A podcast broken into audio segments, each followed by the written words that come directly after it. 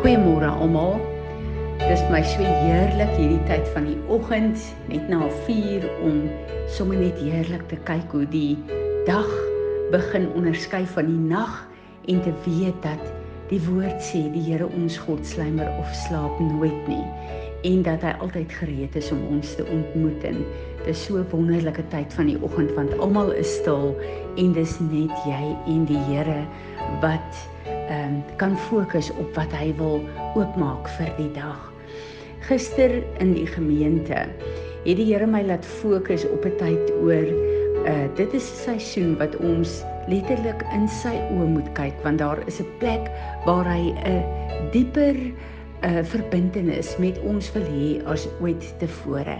En in oomblikke daarvan is dit vir my altyd so wonderlik om te sê Here, ons weet nie eers hoe om dit te doen nie, maar ons wil onsself vir U gee om uh, ons nader aan U te trek. En ver oggend vroeg toe ek hier kom sit, toe besef ek maar dit is Hanukkah. Ons is in die helfte amper van Hanukkah, the feast of light, the feast of dedication. En hierdie is 'n tyd en 'n seisoen waar die Here fokus op 'n groter dedication uh in ons lewe as ooit tevore want ons is sy tempel. Nou ek dink almal van ons ken die storie van Hanukkah, maar ek wil net vinnig daaraan raak. Dis net baie interessant om te weet dat uh Hanukkah gaan oor die tempel van God wat in puin gelê het en wat die vyand totaal kom verwoes het en kom uh besmet het, ontreinig het. En ehm um, hier was 'n gesin gewees, die Maccabees, net een gesin. Dis in die tyd wat uh, Israel oorwin is wat die volk geweldig vervolg is wat hulle nie God mag aanbid het nie want die die tempel van die Here waar hulle moes aanbid was ehm uh, heeltemal uh, ontreinig.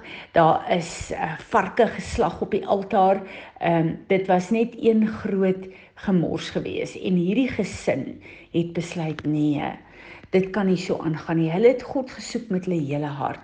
En hierdie gesin het opgestaan teen die hele weermag van daardie tyd.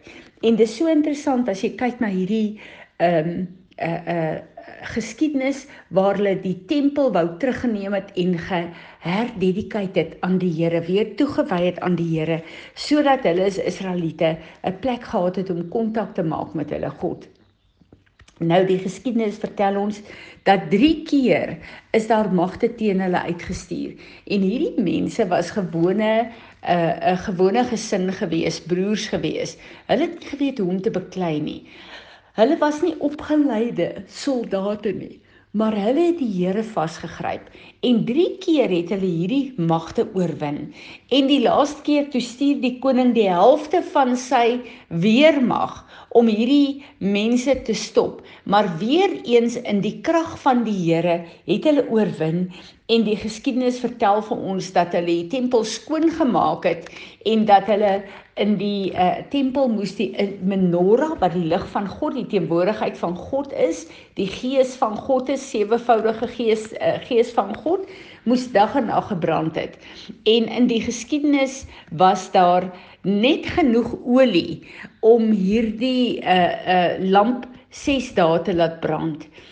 En dit het 7 dae gevat uh, of 8 dae gevat om nuwe olie te maak. Dit het 8 dae gevat om nuwe olie te maak. So hulle die die olie aangesteek, maar die uh, lamp mag nooit dood gegaan het nie volgens God se opdragte en hulle het nie genoeg olie gehad nie. Hulle het in geloof die lamp aangesteek, die menorah aangesteek en God het bonatuurlik die lig laat brand totdat die nuwe olie gereed is. Daarom is die die uh, kandelaar van Hanukkah is 9 kersse wat aangesteek word en nie net 7 soos die gewone menorah nie. So hulle het die tempel weer terug toegewy aan God. Hulle het die menorah aangesteek om te verte, uh, verteenwoordig uh, dat God se teenwoordigheid daar is en hulle die afgode verwyder en vernietig. Nou dis interessant om te sien dat uh Hanukkah is nie een van die feeste, die sewe feeste van Jesus wat gevier is nie, want Hanukkah het plaasgevind tussen die Ou en die Nuwe Testament. En uh, ons sien duidelik dat uh, die eerste keer wat ons lees van van Hanukkah is toe Jesus dit gevier het in Johannes 10. Nou dis my baie interessant. Ek wil dit vir ons lees want ek het nooit hierdie storie ehm um, hierdie gedeelte van Jesus se preek het ek nooit eintlik regtig met Hanukkah verbind uh tot hierdie jaar nie. Johannes 10 vers 22 At that time the feast of dedication took place in Jerusalem. It was winter and Jesus was walking in the temple area in Solomon's uh, porto. So the Jews surrounded him and began saying to him, How long are you going to keep us in suspense? If you are really the Christ, the Messiah, the anointed one, tell us so plainly and openly. And Jesus answered, I have told you so, yet you do not believe. The works that I do in my Father's name testify concerning me. They are my credentials and the evidence declaring who I am. But you do not believe me, so you do not trust and follow me, because you are not my sheep. The sheep that are my own hear my voice and listen to me. I know them and they follow me, and I give them eternal life, and they will never ever by no means perish, and no one will ever snatch them out of my hand. My Father who has given them to me is greater and mightier than all, and no one is able to snatch them out of the Father's hand. I and the Father are one. As ons kyk na die betekenis van Hanukkah in ons lewe. Wat beteken dit in ons lewe? In die eerste plek, hierdie is 'n tyd wat ons God kan vasgryp vir wonderwerke in ons lewe. Hy is die God van die onmoontlike. Wat nie moontlik is vir my en jou nie, is vir ons God moontlik. En hierdie is 'n seisoen waar ek altyd voor die Here kom en vir die Here sê, Here, wat onmoontlik in my lewe is, weet ek u kan doen en dan sal ek begin om die goed wat vir my onmoontlik is op te lig voor God se krag en veral ook die plek waar ek bid vir mense wat wedergebore moet word wat vir my onmoontlik lyk of hulle na die Vader toe sal draai. Vir God is dit moontlik. Maar hierdie is ook 'n tyd waar die tempel destyds 'n uh, defile is en die vyand se afgode daarin was. Is hierdie dan ook 'n tyd waar ek en jy as die tempel van God ons opnuut voor die Here bring. Waar ons Heilige Gees vra, Here kom wys vir my al daai idols wat so in ons lewe inkruip sonder dat ons dit agterkom. Kom wys vir my waar is ek defiled deur die vyand se denke, se persepsies, se opinies. Baie keer het ek en jy 'n opinie en 'n persepsie van God en van wie hy ons geroep het om te wees wat nie van die Here af is nie. Hierdie is die tyd waar ons vir die Here moet vra. Elke plek waar u lig in my lewe nie helder genoeg skyn vir my om die werk van die vyand te sien of om my afgoderry te sien nie.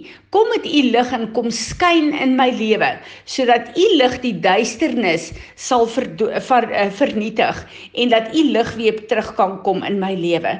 Dis die tyd wat ons dan onsself opnuut weer dedicate na die uh, vir die Here waar ons kom bely die goed wat verkeerd is, waar ons uh verwerp en uh uh kanselleer alles wat in ons lewe ingesluip het uh al daai gemaksigtigheid al daai plekke waar uh ons net eenvoudig gemaklik is en nie 'n prys wil betaal vir hierdie verhouding wat ons met God het nie. Al daai plekke waar ons laks geword het, waar ons liefdeloos geword het, al daai plekke waar ons lui geword het, al daai plekke waar ons passie vir God nie meer 'n brandende vuur is nie, maar waar die lamp daarvan begin verdof om te bid en te te repent en te vra Here, kom met u wind en kom waai weer deur my lewe, kom blaas blaas hierdie kole aan tot 'n brandende vuur, tot 'n passie vir U. En Here, uh laat U lig so helder in my lewe skyn. U sewevoudige werking van U Gees brandend in my lewe sal wees, Here, sodat nie net ek kan sien in my tempel in my lewe wat U volheid is nie, maar sodat U lig deur my kan skyn na my gesin toe, na my familie toe, na 'n wêreld wat besig is om verlore te gaan. So sodat hulle u lig sal sien en getrek word na u lig toe. En hierdie is 'n tyd wat ons onsself net weer rededicate aan die Here. Die woord vir dedication in Hebreëus is Hanukkah. Dis waar die woord vandaan kom en waar ek en jy as kinders van God onsself kan opnuut toewy aan die Here en vir die Here sê Here, kom U op hierdie plek en kom salf ons, kom verlig ons lewe en kom help ons om met 'n nuwe passie en 'n nuwe vuur U te volg.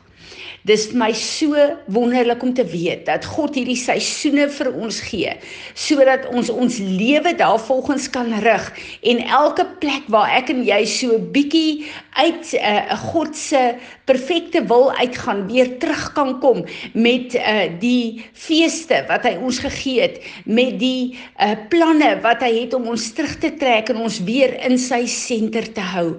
Ons het gister in die gemeente het die Here so duidelik vir my gesê ons moet hierdie 'n uh, uh, lied sing turn your eyes upon Jesus. En ek het ver oggend vroeg dit net weer gedoen en ek het weer opnuut my oë kom fokus op God want daar's soveel dinge wat ons ons fokus wil wegvat. Word net 'n bietjie stil. Plaas jou oë op Jesus. Laat toe dat Heilige Gees kom met sy lig en vir jou wys en kom buig opnuut in aanbidding voor hierdie almagtige, heilige Skepper God wat ons Vader is.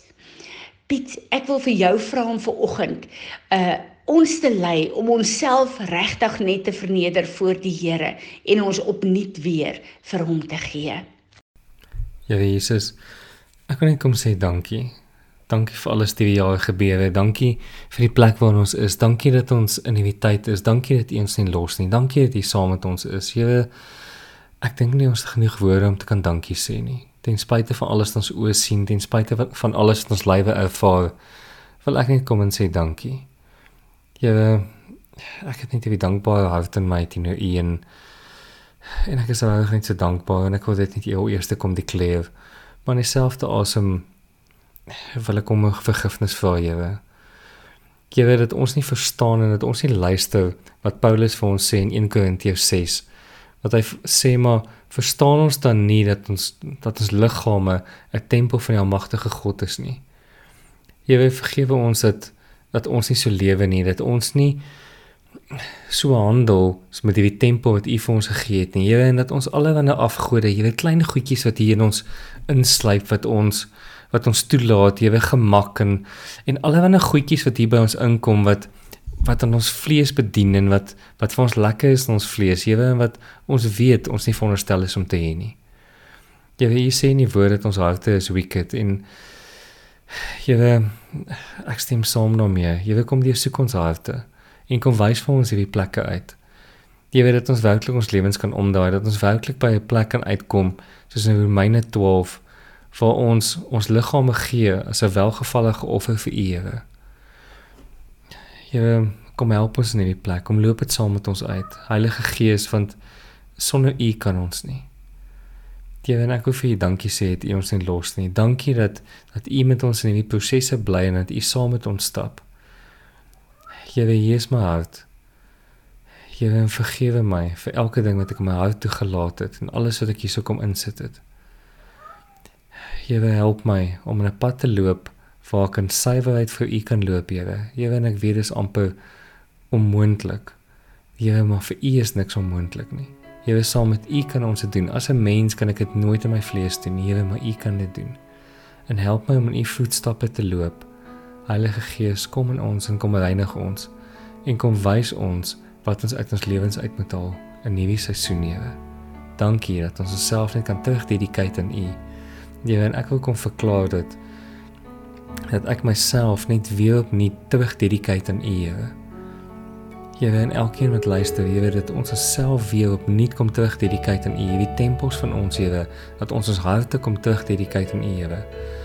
Heilige Gees, kom bly in ons en kom maak hierdie plekke skoon. Dankie daarvoor, Here.